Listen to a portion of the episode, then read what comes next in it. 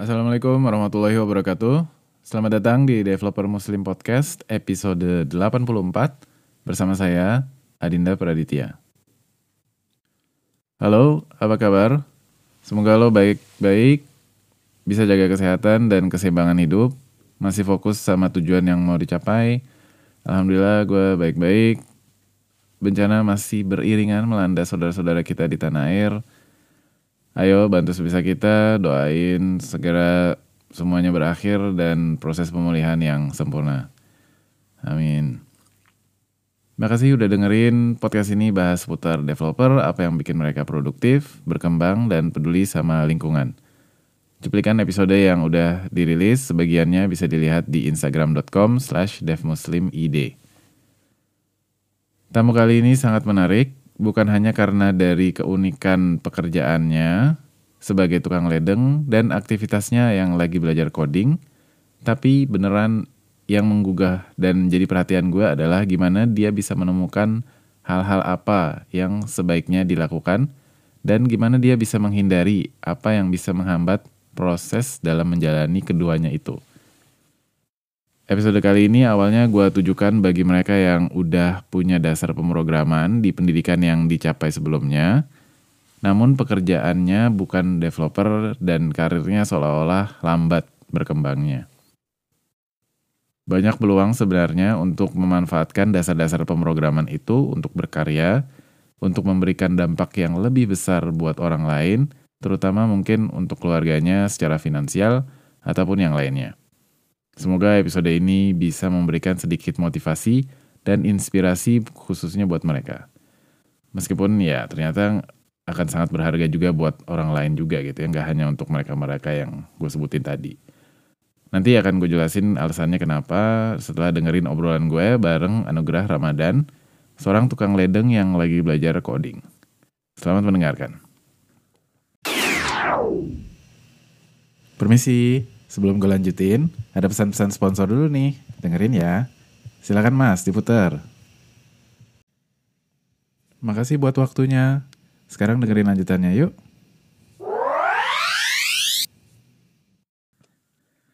Oke, alhamdulillah gue udah terhubung sama Anugerah Ramadan, seorang tukang ledeng yang lagi suka ngoding. Itu gue contek dari websitenya. Ya mungkin bisa kenalin diri dulu, silakan. Oke, Assalamualaikum. Okay. Saya Nugrah, tukang ledeng yang eh, sekarang sih bertanggung jawab di bidang produksi air bersih. Uh, sekarang lagi belajar coding. Oke. Okay. Gitu aja. Iya, gue itu kenalnya dari ini kan ada anchor, kebetulan gue manggilnya apa nih, Kang aja ya, Kang Anugrah ya. Gak usah, anugerah aja. Gak usah anugerah aja. Kan bocor di bawah. Oke. ya, jadi pas uh, apa kayaknya dia favorit station di Anchor, jadi terus habis itu lihat profilnya ternyata udah rekaman juga gitu. Jadi akhirnya ya udah saling favorit terus akhirnya dengerin dengerin. Jadi yang benar-benar gue salut banget sama beliau ini adalah pantang menyerah dan terus merekam aktivitas aktivitasnya untuk uh, belajar coding um, kayak oh, berat, suka berat. gimana? Iya iya enggak enggak. Lanjut lanjut mas. Iya jadi um, kadang-kadang suka nge-share uh, buku yang lagi dibahas gitu. Jadi bacaannya lumayan banyak. Terus juga salah satu yang benar-benar apa ada episodenya yang di mana dia bilang don't break the chain. Um, itu supaya kebiasaan kita yang udah yang udah bagus itu jangan sampai diputusin jangan sampai terpisah jangan sampai apa rutinitas yang udah dibangun itu jangan sampai keputus jangan sampai ada jeda gitu ya. Jadi ya benar-benar uh, anugerah ini banyak bacaannya karena uh, bisa jelasin mungkin uh, apa namanya dulu kuliah Uh, jurusannya apa? Sastra Inggris dong. Oh, sastra Inggris, mantap. Enggak mantap juga. um, gimana ya? semua jurusan tuh keren sih sebenarnya asalkan uh, bisa dimanfaatkan dengan baik kan gitu. Jadi, nah itu dia. Uh-uh. Itu dia. Jadi uh, bacaan bukunya banyak, kayaknya benar-benar banyak baca buku. Uh, jadi itu yang bisa, yang juga memotivasi diri uh, Anugrah untuk mengejar cita-citanya pengen jadi developer. Gitu. Hmm. Ya, terus uh, bisa jelasin gimana nih awalnya? Kalau dari yang gue dengar dari podcastnya, kan awalnya lo mau belajar coding itu karena ketemu teman-teman gitu ya? Uh, uh, bisa jelasin nggak itu? Jadi ya kita kumpul-kumpul kecil lah teman-teman SMK gitu empatan. Uh. Saya sebutin ini namanya. Ada saya, ada Cepi, ada Rendra, sama ada Andika gitu. Uh. Nah si Rendra ini dia kerja di perusahaan multinasional nggak ngoding dia udah keluar dari jalur informatika sama kayak saya gitu. Uh, terus ada Cepi, nah Cepi ini yang developer yang kerjanya sebagai developer, terus ada Andika yang waktu itu masih kuliah S2 di ITB informatika gitu. Uh, iya. Nah lagi ngobrol-ngobrol gitu, tiba-tiba Cepi sama Andika itu ngobrol tentang Internet of Things gitu. Saya kan nggak ngerti ya, bengong aja gitu apaan. Nah saya nanya ke si Cepi tuh, Cep Internet of Things itu apa sih? Jadi kadang ngeselin juga jawabannya gitu. Hmm. Nah, ya, kan ini, lu kamu nggak tahu gitu Internet of Things apa? Hidup di gua mana kan gitu ngeselin ya. jadi kesentuh gitu. Emang hmm. selama ini jadi ngerasanya tuh ketinggalan banget gitu ya. Kayaknya hmm. dunia udah canggih banget, saya masih ada di belakang gitu. Analog parah gitu. Jadi jadi ya dari situ sih mulai mulai belajar lagi sih dari HTML lagi gitu. Mulai hmm. lagi dari awalnya dari situ. Dulu waktu SMK belajarnya apa gitu? Pertama kali langsung HTML CSS atau ada bahasa pemrograman tersendiri atau gimana? Yang pertama sih ya pasti algoritma ya. Algoritma terus belajar sempat belajar Pascal satu semester nggak ngerti juga Pascal susah banget. Terus uh, ya HTML juga belajar baru di tahun kedua PHP saya ingat. Nah karena dari awal belajarnya PHP gitu jadi ya udah sekarang juga belajarnya PHP aja gitu yang ketemu pertama kali gitu. Uh, iya iya iya. Terus nyari informasi uh, jadi yang dicari apa tuh? Di Google? Baca tutorial atau gimana? Uh, gini kan kalau saya sebenarnya nggak sabaran nih orangnya, jadi uh. langsung aja. Saya kan suka kebenaran ya karena anak sastra kali ya. Suka baca terus jadi suka nulis juga. Pengen bikin blog gitu tapi nggak mau di blogspot atau di WordPress gitu. Ah pengen bikin blog sendiri gitu bikin website sendiri. Langsung aja cara bikin website gitu kan uh. ya, uh, ketemu tuh saya ingat banget yang ketemu tuh dunia ilkom.com okay. itu yang saya belajar dari situ pertama kali dari situ lama-lama ya ketemu sekolah coding lah ketemu kode politan sama yang lain-lain banyak gitu hmm. Terus um, supaya apa namanya terstruktur gitu, ter terarah gitu, gimana ininya? Milih belajarnya tuh gimana? Itu mah ini uh, saya harus terima kasih banget sama sekolah coding sih. Kalau sekolah coding kan memang mungkin karena konsepnya sekolah gitu ya. Jadi uh. Pak Hilman Ramadan ini memang bikin uh, alurnya gitu. Nah, saya ketemunya di situ enak enak banget gitu kan tinggal ngikutin ngikutin gitu cara bikin blog dengan PHP misalkan. Tinggal jadi yeah. tinggal diikutin aja di situ. Gitu sih. Iya iya iya. Uh-uh. Sebenarnya sih karena internet sih kalau zaman sekarang kan kalau zaman dulu kan harus beli buku gitu ya udah yeah. mahal. Nah, sekarang internet wah udah gampang banget enak gitu. Terus hmm. ada YouTube juga. Iya. Yeah. Uh-huh. Iya iya. Terus itu mulainya dari bulan apa? Kalau mulai sih 2017 kayaknya eh iya 2017 Desember. Hmm. Desember 2017 mulai benar-benar saya seriusin gitu beli beli domain sama hostingnya. Iya. Biar serius juga sih gitu. Makanya saya bayar lah biar biar agak-agak serius ngodingnya gitu. Iya iya iya. Iya. iya. Terus jadi biar bisa mungkin kalau misalnya gue tebak ya bisa kelihatan hasilnya gitu ya. Jadi lumayan bisa jadi apa ya uh, motivasi nggak sih? Uh, jadi termotivasi sendiri sih. Uh. Kan saya udah bayar nih. Yeah, Kalau iya. misalkan nggak dimanfaatkan sayang banget. Makanya itu manfaatnya dari membayar sih kalau kata saya begitu. Hmm, ya. Yeah. Terus nemuin waktunya gimana nih? Nah, kalau nemuin waktunya sih sebenarnya mah manfaatin waktu luang aja intinya mah kan untuk saat ini mah pekerjaan saya itu tukang ledeng. Iya, iya. Nah, kalau untuk fokus intinya sih tetap di tukang ledeng dulu soalnya itu saya nyari makan dari situ gitu. Iya. Nah, kan kalau udah udah terikat tanggung jawab di situ. Iya, iya. Nah, di sela-sela waktu luang itu mulai dicoba dimanfaatin pas pulang kerja bisa atau malam hari lah sebelum tidur misalnya atau pas libur juga bisa. Nah, kebenaran nih saya juga orangnya rada-rada introvert gitu. Jadi senangnya tuh di rumah. Oh. Nah, karena senang di rumah jadi ya ketemunya laptop lagi laptop lagi ya udah eh, suatu keuntungan sih di situ kayaknya iya iya nah. Terus kan pernah kalau yang gue denger dari podcastnya kan ngelawan antara kan udah pulang kerja kan capek tuh kan nah gimana tipsnya supaya bisa tetap melawan gangguan yang pengen nonton YouTube lah atau pengen nonton TV lah atau yang lain-lain medsos lah gitu. Hmm. Itu gimana ngelawannya gimana? Kalau itu masih udah dipaksain aja. Kebenaran juga saya kan dapat tips gitu ya dari bukunya si Austin Kleon yang Still Like an Artist gitu. Jadi di situ hmm. dia disebutin kalau ada komedian yang namanya yang namanya Jerry Seinfeld itu tuh dia bikin teknik yang namanya don't break the chain gitu atau jangan putusin rantainya. Iya. Yeah. Nah, jadi sebisa mungkin tiap hari sih ngoding gitu dipaksain aja jangan sampai serantainya putus soalnya kalau putus nanti ada kita jadi punya excuse gitu oh oh ini bisa juga nih nggak ngoding hari ini gitu santai-santai aja. Nah, tapi kalau udah kalau misalkan udah tiap hari udah ngoding gitu ya. Terus kan ada yang namanya teori 21 hari juga tuh. Katanya kalau 21 hari kita ngelakuin sesuatu berulang-ulang itu malah jadi kebiasaan gitu nah kayaknya itu juga bener sih.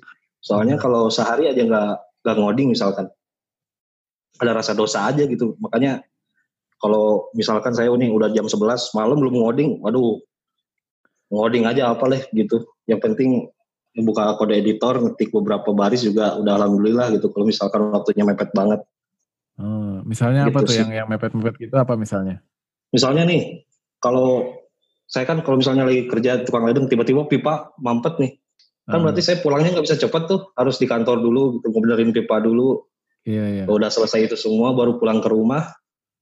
Males kan pasti ya, nggak mungkin langsung ngoding gitu. Wah, Superman banget.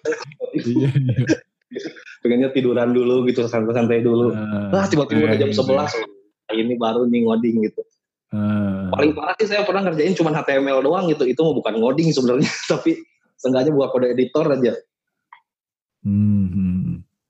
Dan nah itu teh kalau udah misalnya udah ngoding gitu, apalagi kalau udah menyelesaikan error-error gitu ada perasaan seneng di situ tuh kalau udah menyelesaikan error-error terus uh, programnya berhasil jalan bisa joget-joget sendiri saya itu. Jadi ada rasa ketagihan di situ tuh gitu. Wah hmm. saya bisa nih. Jadi saya kan rada-rada narsis ya orangnya tuh jadi wah saya pinter ternyata. Bisa kayak gini gitu. Jadi terpacu lagi untuk menyelesaikan yang lebih susah lah istilahnya gitu sih. Hmm. Solving solving problemnya sih yang yang menyenangkan dari sebuah ngoding ternyata. Iya iya. Kalau bagi saya yang pemula gitu ya nggak tahu sih kalau yang udah lama gimana mas? masih asik gak gitu? Masih sama Masa... juga masih apa namanya begitu apa nyelesain error atau nyelesain masalah gitu ya emang benar-benar seneng banget emang ya. Nah di situ sih kayaknya itu yang bikin jadi ketagihan kali ya. Hmm iya iya benar-benar. Terus kalau misalnya ada kayak tujuan akhir nggak atau misalnya bukan tujuan akhir ya misalnya tujuan bulanan gitu atau tujuan tujuan yang tiga bulanan gitu ada nggak? Kalau kemarin-kemarin sih saya sebenarnya belum belum bakat ngasih nyimpen tujuan gitu. Hmm. Yang penting ngoding tiap hari ternyata dapat e, kerjaan gitu dari ngoding ya udah berarti tujuannya kan nyelesain e, proyek itu. Hmm. Terus kalau itu udah selesai misalnya kosong berarti kan harus belajar lagi. Nah kayak sekarang saya lagi belajar OOP sama MVC berarti kalau saya sih sekarang ditargetin tiga bulan udah bisa lah gitu. Walaupun belum mahir tapi udah ngerti seenggaknya kayak gitu sih. Oh, iya. Uh, syukur-syukur bisa lebih, eh bisa kurang dari tiga bulan udah ngerti gitu, udah bisa bikin aplikasi pakai itu. Wah udah iya. seneng joget-joget lagi saya. Terus um, ininya apa kayak modulnya atau kayak silabusnya yang dipakai yang mana? Uh, kalau silabus sih saya nggak bikin nggak bikin sendiri nggak ngerti juga bikinnya gimana ya udah ngikutin tutorial paling yang ada di internet udah internet itu surga lah bagi zaman sekarang oh, iya. kalau sekarang sih lagi ngikutin web programming unpas untuk yang OOP sama MVC hmm. uh, sama sekolah coding juga yang OOP-nya kemarin juga saya ikutin ya alhamdulillah lumayan sih enakin gitu jadi kayak kayak kuliah lagi iya ya. terus uh, oh ya dapatin proyek gimana bisa dapat apa nerima proyek gitu nerima proyek ini nih saya kan suka iseng nih nge-share status misalnya di WhatsApp atau story di Instagram gitu. Uh. Kayaknya nih kayaknya atasan saya lihat wah ini ini si Anugrah jago ngoding nih kayaknya padahal mah kagak. terus terus terus ya uh, waktu itu atasan saya itu punya ide bikin bikin sistem untuk pengaduan pelanggan gitu kan. Soalnya kan uh, tempat saya kerja ini masih berkembang banget gitu ya, masih umurnya tuh baru tiga tahun mau ke empat tahun gitu. Uh, Jadi masih baru banget, semuanya masih manual. Iya. Yeah. Nah, si atasan saya itu punya ide bikin sistem bagi pengaduan pelanggan yang bisa langsung diketahui informasinya oleh orang lapangan. Hmm. Itu jadi tinggal buka handphone, misalkan orang lapangan tahu, oh ini ada pengaduan dari atas nama ini, alamatnya di sini, misalkan ada kebocoran atau apa, bisa dilihat di situ. Nah, terus kan orang lapangan itu kan kalau udah ngerjain uh, kerjaan kan pasti kalau pulang ke kantor kan malas bikin laporan ya. Iya, yeah, iya. Yeah. Malas gitu, Jack. Uh, jadi bisa diisi, jadi laporan itu bisa langsung otomatis itu kalau udah ngelakuin kerjaan tinggal diisi formnya langsung bisa di, di print gitu. Hmm. Jadi nggak usah ngetik-ngetik lagi orang lapangannya. Iya, yeah, iya. Yeah. Kayak gitu sih. Nah, ya atasan saya itu minta bantuan lah ke saya misalkan. Anugerah bisa nggak bikin bikin ini nih? Sebenarnya saya juga rada ragu juga sih waktu itu kan belum pernah kerjain project-project yang gede gitu ya. Yeah, Baru yeah. bikin blog doang gitu atau bikin website podcast gitu yang ya yang iseng-iseng aja. Tapi wah kayaknya ini untuk belajar juga oke okay nih. Sampai saya bilang nggak dibayar juga nggak apa-apa pak. Ya saya bilang gitu aja biar belajar gitu maksudnya biar hmm. dapat ke saya aja gitu buat dikerjain. Ya alhamdulillah sekarang udah mulai dipakai gitu walaupun belum sempurna. Tapi ya senang aja sih bisa dipakai sama kantor gitu. Ah iya. iya. Terus yang apa? Yang nentuin fitur-fiturnya, kegunaannya itu siapa? Atasan saya. Nah, jadi atasan saya itu, itu yang bikin konsepnya sih dia gitu. Dia pengen kayak gimana gimana. Saya mah cuman yang nguli doang. Hmm. gitu. Iya iya iya.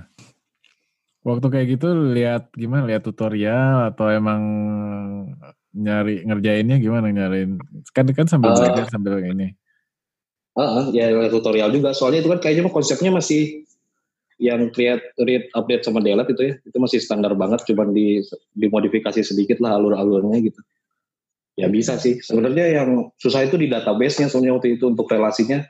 Saya waktu itu belum belajar bener-bener SQL gitu kan. Jadi ya harus buka-buka lagi Google untuk belajar SQL. Hmm. Ternyata dengan niat yang dengan niat yang kuat bisa juga gitu. Hmm. Walaupun kayaknya sih belum belum sempurna itu tapi ya lumayan lah untuk saya itu suatu pencapaian yang yang bisa dibanggain sih hmm. untuk seorang pemula. Kayaknya gitu sih mas. Iya iya. Yang kerasa manfaat belajar coding tuh sekarang dari pekerjaan apa? Selain yang proyek ini?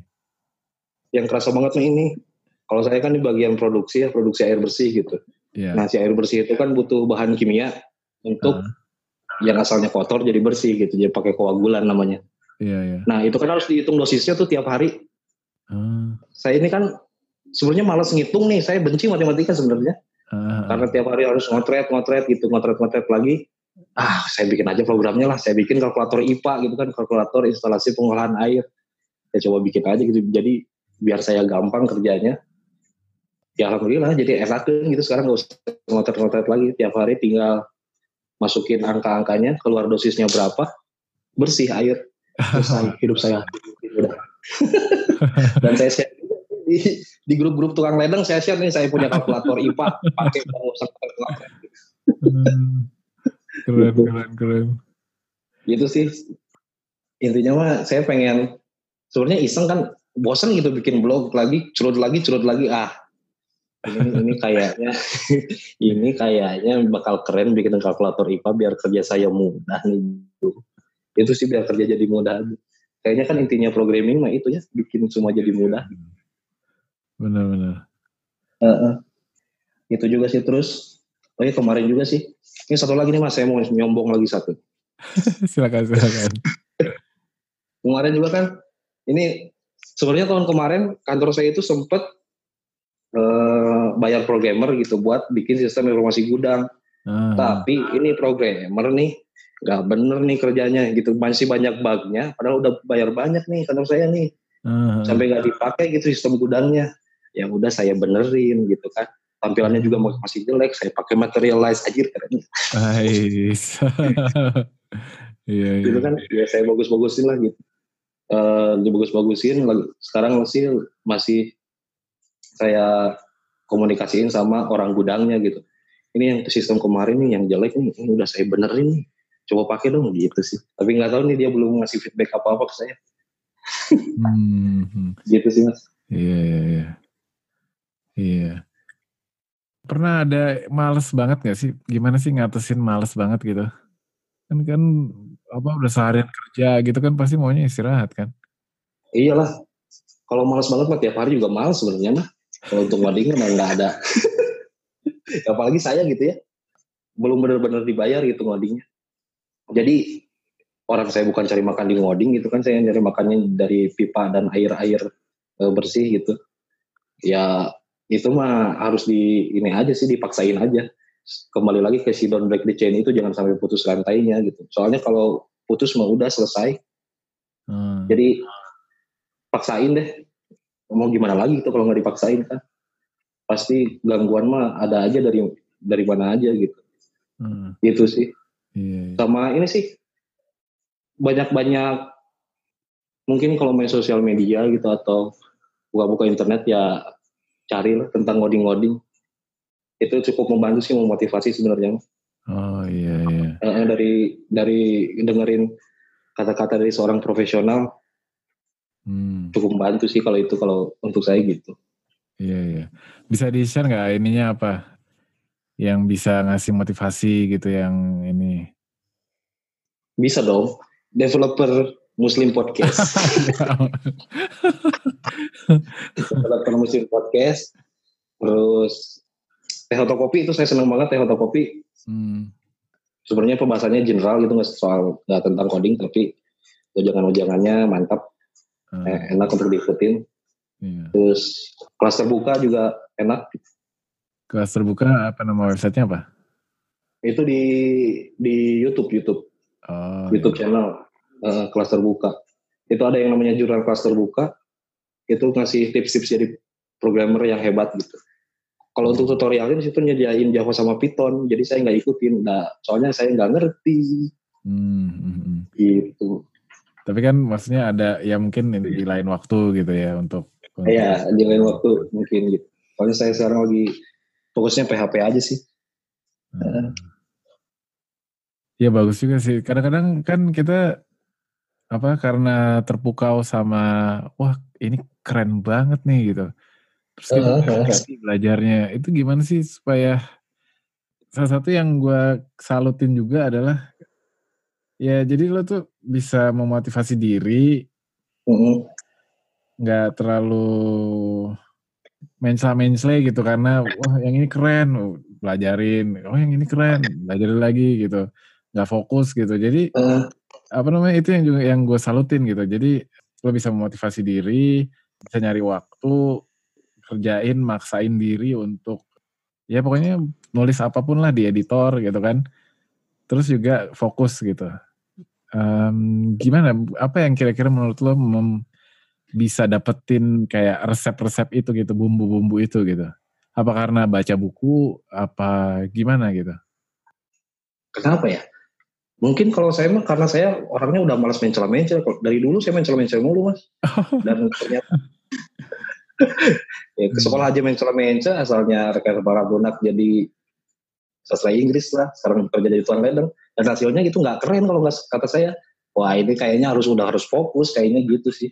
Dan hmm. kebetulan juga cinta pertama saya PHP sih. Hmm. jadi ya udah PHP aja di diedanin gitu. Eh, iya sih sempat waktu itu juga katanya kan apa JavaScript gitu kan bagus gitu. Yeah. terus ntar ke depannya bisa belajar Node.js atau apa Vue.js gitu. Tapi dah saya nggak ngerti gitu mau gimana gimanain juga. Udah PHP yang paling saya ngerti kenapa nggak difokusin aja biar jadi lebih bagus gitu. Hmm. gitu sih. Iya, iya. Jadi jadi mulai dan kerjain apa yang kita bisa dulu gitu ya. Iya kalau saya sih percayanya gitu difokusin hmm. saya juga yakin itu J.K. Rowling itu nggak bisa jadi tukang ledeng bisanya nulis kan gitu sih iya benar makanya Harry Potter jadi berdunia gitu sih Iya iya. Ya karena kalau misalnya mungkin belajar yang benar-benar baru terus tiba-tiba nggak bisa kan bisa jadi bikin frustrasi juga dan akhirnya berhenti akhirnya ngodingnya kan. Iya, sama waktu PHP juga kan ntar ada code igniter misalkan. Iya. Saya pernah tuh belajar code igniter itu pengen cepet-cepet jadi keren gitu. Uh. Ternyata nggak bisa juga dan nggak uh. ngerti atau OP aja belum ngerti waktu itu gimana mau bikin code igniter mau ngikutin tutorial semampus apa pun ya nggak ngerti mau nggak ngerti aja gitu hmm. makanya mending difokusin dari awal sedikit-sedikit lah gitu saya sih kalau sekarang nikmatin prosesnya aja sih gitu aja iya, iya, iya. soalnya kalau dilangsungin banyak kayaknya saya bakal stres terus nantinya yang gak ngoding lagi kata Mas Dida tadi sih gitu. Iya iya. Takutnya berhenti itu yang saya takutkan. Iya iya.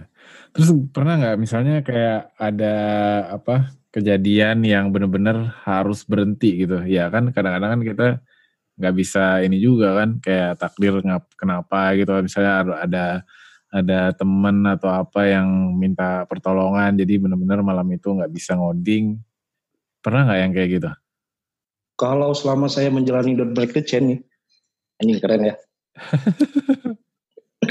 selama saya menjalani Don't Break the Chain nih, alhamdulillah enggak enggak pasti bisa ngoding walaupun cuma sebentar banget hmm. paling sebentar tuh berapa menit walaupun saya misalkan ngoding cuma 15 menit udah berhasil kata saya mah soalnya wah dulu mas saya pemalas banget mas asli makanya saya bisa ngoding 15 menit doang gitu bikin HTML doang gitu kebenerin misalkan ini tampilannya jelek nih tambahin ini ya ini misalkan kolom dikit tek oh udah berhasil itu udah ngoding kalau kata saya mah gitu hmm. jadi sesedikit apa pun ya syukuri aja gitu waktu yang ada. Yeah, gitu mas. Yeah. Eh, keren ya. Keren keren keren. Enggak maksudnya emang benar gitu karena dengan berkesinambungan itu kan juga jadi apa? Ya mungkin jadi ada bawaan apa psikologis juga gitu kan. Mm Bawaan semangat juga yang intinya tetap menghasilkan ya pembelajaran itu gitu pembelajarannya nggak berhenti gitu kan. Iya iya. Hmm. Itu sih mas benar benar benar. Iya. Terus uh, untuk podcastnya gimana nih? Ter pertama terbetik untuk bikin podcast gimana? Developer Muslim Podcast. Udah itu. Ini oh, jujur ini. Wahai pendengar-pendengar semua ini Developer Muslim Podcast. Memang yang bikin saya mulai nge-podcast. Uh, uh, soalnya di episode berapa gitu lupa saya pokoknya episodenya episode berapa Mas nah. pernah bilang kalau mau nge-share nggak usah jadi mahir share aja soalnya ntar juga pasti ada sesuatu yang bisa diambil sama yang dengerin gitu ya hmm. udah saya kita aja podcast gitu soalnya hmm. Uh, uh, selain itu dulu mas saya suka ngeblog gitu suka nulis. Yeah. ternyata nulis juga males males kan kalau nulis mah nulis itu kayaknya harus membutuhkan energi lebih gitu. Tapi hmm. kalau cuma ngomong cuap-cuap doang ah gampang ini mah saya bisa gitu. Dan saya nggak muluk-muluk dari podcastnya gitu. Jadi ya udah gelontorin aja. Sama ini mas saya kan suka dengerin podcast podcast programmer. Iya. Kayak developer museum podcast gitu. Terus ada ceritanya developer yang gitu-gitu iya iya. Nah itu tuh kalau saya dengerin ngejelimet itu istilah-istilahnya saya nggak tahu. Terus uh pembahasannya terlalu tinggi buat saya. Saya nyari yang untuk pemula uh, nggak nemu gitu. Ini yang pembahasan podcast pemula kok nggak ada gitu. Uh saya jadi ini gimana nih saya pemula tapi pengen belajar podcast eh, eh pengen belajar ngoding tapi pengen dengerin podcast tapi nggak ada untuk pemula gitu. Hmm. Saya pengen ngobrolnya tuh ngobrol ngobrol pemula lah jangan yang berat-berat gitu. Nggak hmm. kayaknya belum ada sih gitu. Hmm. Saya belum nemu makanya wah ini saya bikin aja deh. Siapa tahu gitu ada pemula-pemula juga yang pengen dengerin podcast tentang ngoding, tentang programming, tapi pembahasannya yang sangat-sangat ringan. Iya. Ya udah saya bikin. Ya itu sih. Hmm. Developer musim podcast pokoknya. Makasih, makasih. Aduh, ini, ini, ini banget. Peres banget ya. iya, iya, iya. Ada pengalaman-pengalaman yang unik lagi nggak? Yang unik apa ya? Enggak, enggak ada mas. Saya biasa-biasa aja. Saya aja yang jangan nanya lah. boleh, boleh, boleh. Silakan, silakan. Mas, uh, kalau kerja jadi programmer yang sebenarnya itu kayak gimana sih gitu? Kalau saya ini kan memandang sebenarnya saya itu memandang teknologi itu sebagai hal yang mewah ya. Uh, gitu. Wah keren banget gitu. Kayak Tony Stark gitu bikin Iron Man aja edan. Nah saya itu pengen menjadi bagian dari suatu kemewahan itu gitu. Apakah menjadi seorang programmer mendapatkan suatu kemewahan itu apa enggak gitu? Kemewahan dalam arti apa ya? Bukan bukan bukan materi ya, bukan harta, tapi misalkan pemikiran atau apa gitu. Wah merasa ya keren aja gitu. Iya, iya. Ngikutin perkembangan dunia. Ya jelas lah. Wah jelas lah. Asik. um, ya karena pertama-tama dia dengan internet gitu kan, kita bisa belajar kalau belum bisa. Kalau belum bisa, kita bisa belajar. Dan kalau udah bisa, udah jago, udah bisa gitu, udah tahu gimana mau kayak nangani data, nyimpen data gitu kan. Uh. Atau apalagi kalau misalnya ada aplikasi open source gitu yang udah bisa dipakai. Ya kayak contohnya gini aja mungkin kayak contohnya tuh kayak materials materialize ya atau bootstrap gitu kan. Uh, uh, uh. Ya. Itu kan komponen-komponennya ada tuh. Iya. Yeah. Ya kan? Nah, dengan kita tahu itu dan kita tahu cara makainya, pakai HTML, pakai CSS kelasnya, ya kan? Uh. Nah, kita bisa bikin apa yang kita bisa bikin dari sana? Kita bisa bikin kayak prototype sebuah aplikasi misalnya. Hmm. Ya kan? Nah itu aja yeah. kita udah ter apa ya empower gitu kan berarti ter apa ya istilahnya empower apa tuh bahasa Indonesia ter empower apa ya? tersenjatai dia dipersenjatai kita seolah-olah ya. benar gak sih iya iya iya uh, seolah-olah kita jadi kayak punya super power gitu dengan keahlian itu gitu. Karena apa ya kita tinggal bikin layoutnya kita bisa di sketsa dulu di kertas ya kan. Oh nanti ini di sini di sini. Terus nanti kalau misalnya ada orderan nah tiba-tiba langsung ada ininya masuk terus nyimpannya di sini lihatnya di sini menunya di sini gitu. Itu baru satu aplikasi maksudnya satu library untuk UI gitu kan uh, Strap atau Materialize Materialize iya gimana dengan aplikasi-aplikasi yang lain gitu kayak misalnya kayak bikin chatbot gitu Oh iya iya iya. iya. Kalau misalnya bisa bikin itu kan udah kayaknya kalau misalnya kita bisa tinggal pakai ya udah kita bisa jual ide kita atau kita bisa bikin sesuatu yang belum pernah dibuat sama orang lain misalnya kan. Mm-hmm. Gitu. Jadi dengan kayak gitu ya jadi kita merasakan kemewahan itu gitu dan kita punya apa namanya ya itu tadi super power gitu. Oh iya keren sekali ya. Mm -hmm. Mm -hmm. Jadi makanya dengan dengan kita jadi programmer itu kita juga jadi bertanggung jawab sama uh, superpower kita dalam artian kayak misalnya bikin aplikasi yang benar-benar uh, data user harus dijaga baik-baik misalnya ya kan tanggung jawab ya kan. Hmm iya iya iya. Iya sih. Wah oh, keren juga ya. Hmm. Ini memang beda nih developer mesti bagus keren keren. Lanjut mas. Sebenarnya mungkin gap kita terlalu jauh mas. Mas itu sudah master, saya ini masih kroco-kroco nih. Uh, Jadi masih bingung juga sih ngomong apa. hmm. Gitu sih. Tapi kayaknya seiring dengan berjalannya waktu, ntar bisalah kita enak gitu ngobrolnya. Saya boleh, boleh. ya gitulah pokoknya lah. Boleh, boleh. Iya jadi kalau saya pribadi sih emang semangat aja karena emang ya itu tadi pengen nunjukin ya semoga dengan wawancara ini ya jadi inilah membuka apa namanya kadang-kadang kan kalau misalnya saya DM gitu di Twitter orang-orang yang follow hmm. uh, masih minder gitu ah saya kan bukan siapa-siapa gini gini gini gitu padahal ya kita kayak semua orang itu kan unik gitu ya iya iya iya bisa jadi itu membantu orang lain yang yang mempunyai uh, masalah yang sama gitu. Hmm. Jadi ya kalau emang kita udah punya sesuatu yang bisa ditunjukin ya kan udah ngerjain proyek itu ya kita sebenarnya udah bisa udah layak gitu. Oh oke. Okay. Benar gak sih? Benar benar benar banget ya. Uh. Nah lanjut mas. Oke. sip sip sip. Ya sekarang uh, kayaknya bacaan bukunya banyak banget nih ya. Sekarang lagi baca buku apa nih? Uh, Sebenarnya kalau sekarang sih belum belum nemu buku yang baru gitu yang asik buat dibaca apa. Tapi yang paling sering saya baca tuh si Austin Kleon yang Still Like an Artist itu, wah udah itu juara banget. Sama kalau yang terakhir dibaca sih yang Ego is the Enemy itu juga bagus untuk hmm. mempersenjatai diri melawan ego sendiri gitu. Hmm. Itu sih udah dua itu aja, udah mantep.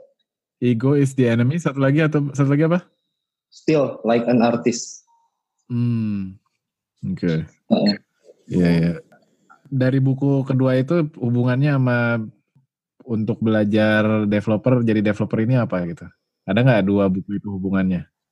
Kalau yang Still Like an Artist itu uh, itu kan mencuri sebagai seniman gitu. Jadi jangan takut untuk berkarya, karena setiap karya itu bisa dicuri dari orang lain. Kan nggak ada sesuatu yang baru di muka bumi ini ya gitu katanya. Iya iya. Jadi kalau misalkan mau bikin website itu bingung mau kayak gimana ya tiru aja yang ada. Ambil true modif itu kan. Hmm. jadi ya jangan takut. Tinggal tiru aja dari berbagai sumber ntar juga jadi original punya kita sendiri gitu iya benar. Itu untuk biar nggak takut untuk berkarya sih kalau yang still like an artist itu. Tapi kalau hmm. yang untuk ego is the enemy itu untuk melawan ego sendiri sih. Gimana persiapan kita waktu menyusun mimpi-mimpi terus gimana waktu uh, mencapai kesuksesan dan gimana waktu gagal. Di situ dijelasinnya enak gitu enak banget. Dua-duanya gaya bahasanya santai nggak berat-berat. Jadi oke okay sih untuk dibaca enakin gitu iya iya iya gitu sih mas hmm. Iya boleh tuh kalau misalnya itu dibahas bukunya sebagian-sebagian gitu di di podcastnya gitu kan. Iya. Apa ya hitung-hitung kan ini apa namanya? Hitung-hitung biar ingat lagi ya kan? Hitung-hitung bisa. Uh, sama ini nih satu lagi nih Mas, ada buku yang keren nih. Apa tuh? Untuk orang-orang yang kayak saya nih yang lagi ada di persimpangan gitu. Ketika harus melakukan kerjaan itu sama sesuatu yang diinginkan. Kayak saya kan kerja jadi tukang ledeng, tapi pengen ngoding. Uh. Gimana nih cara untuk membagi dua itu gitu? Ada buku yang, yang bisa ngebantu, namanya itu uh, The Crossroad of Shoot and Must. Hmm. Itu tulisannya Ere Luna. Itu tuh tentang ya itu ngebagi dua itu gitu tentang gimana sih caranya kita ngejar passion gitu dalam tanda kutip sama harus melakukan apa yang harus dilakukan kayak nyari nafkah misalkan. Oh, nah itu bukunya iya. itu mau bantu banget itu itu bagus. Iya, itu sih iya. mas. Okay. Mantap mantap. Terus punya ini nggak punya tips atau aplikasi web yang sering dipakai? Kalau aplikasi, aplikasi untuk apa nih mas? Aplikasi apa aja yang sering dipakai? Terserah deh, apa aja aplikasi. ya standar sih kalau saya mah pakai kalau ya kalau coding pakai Sublime Text gitu. Uh, uh, uh. Uh, Terus? itu standar standar lah, masih pakai SAM gitu-gitu lah. Masih standar banget pokoknya. SAM itu apa? Uh, yang apa ya namanya? Pokoknya ya untuk kerjain PHP gitu. Oh ini web servernya Apache yang oh, iya. uh, uh, uh, yang gitu-gitu yang database-nya pakai MySQL gitu. Oh iya. Iya. Uh, uh, iya, iya. Gitu, XAMPP ya? Ah, itu dia, itu dia. Itu. sip, sip, sip. Nah. Okay. Terus uh, ada ini apa misi sama tantangan ke depan apa? Atau di 2019 apa? Sebenarnya masih misi saya sih ingin ini mendigitalisasikan tempat saya kerja gitu. Soalnya kan tempat saya kerja ini masih baru banget. Billing system aja baru dibikin gitu. Tapi bukan saya yang bikin ada, ada saya nggak bisa. hmm. Paling ya pokoknya pengen berbakti buat tempat saya kerja dulu sih sebenarnya pakai ngoding-ngodingan ini. Di situ dulu. Soalnya kemarin kan udah bikin sistem pelayanan, terus sistem evolusi gudang udah dipakai, kalkulator, instalasi pengolahan air udah dibikin juga. Pengennya sih ngerambah ke yang lain-lain gitu.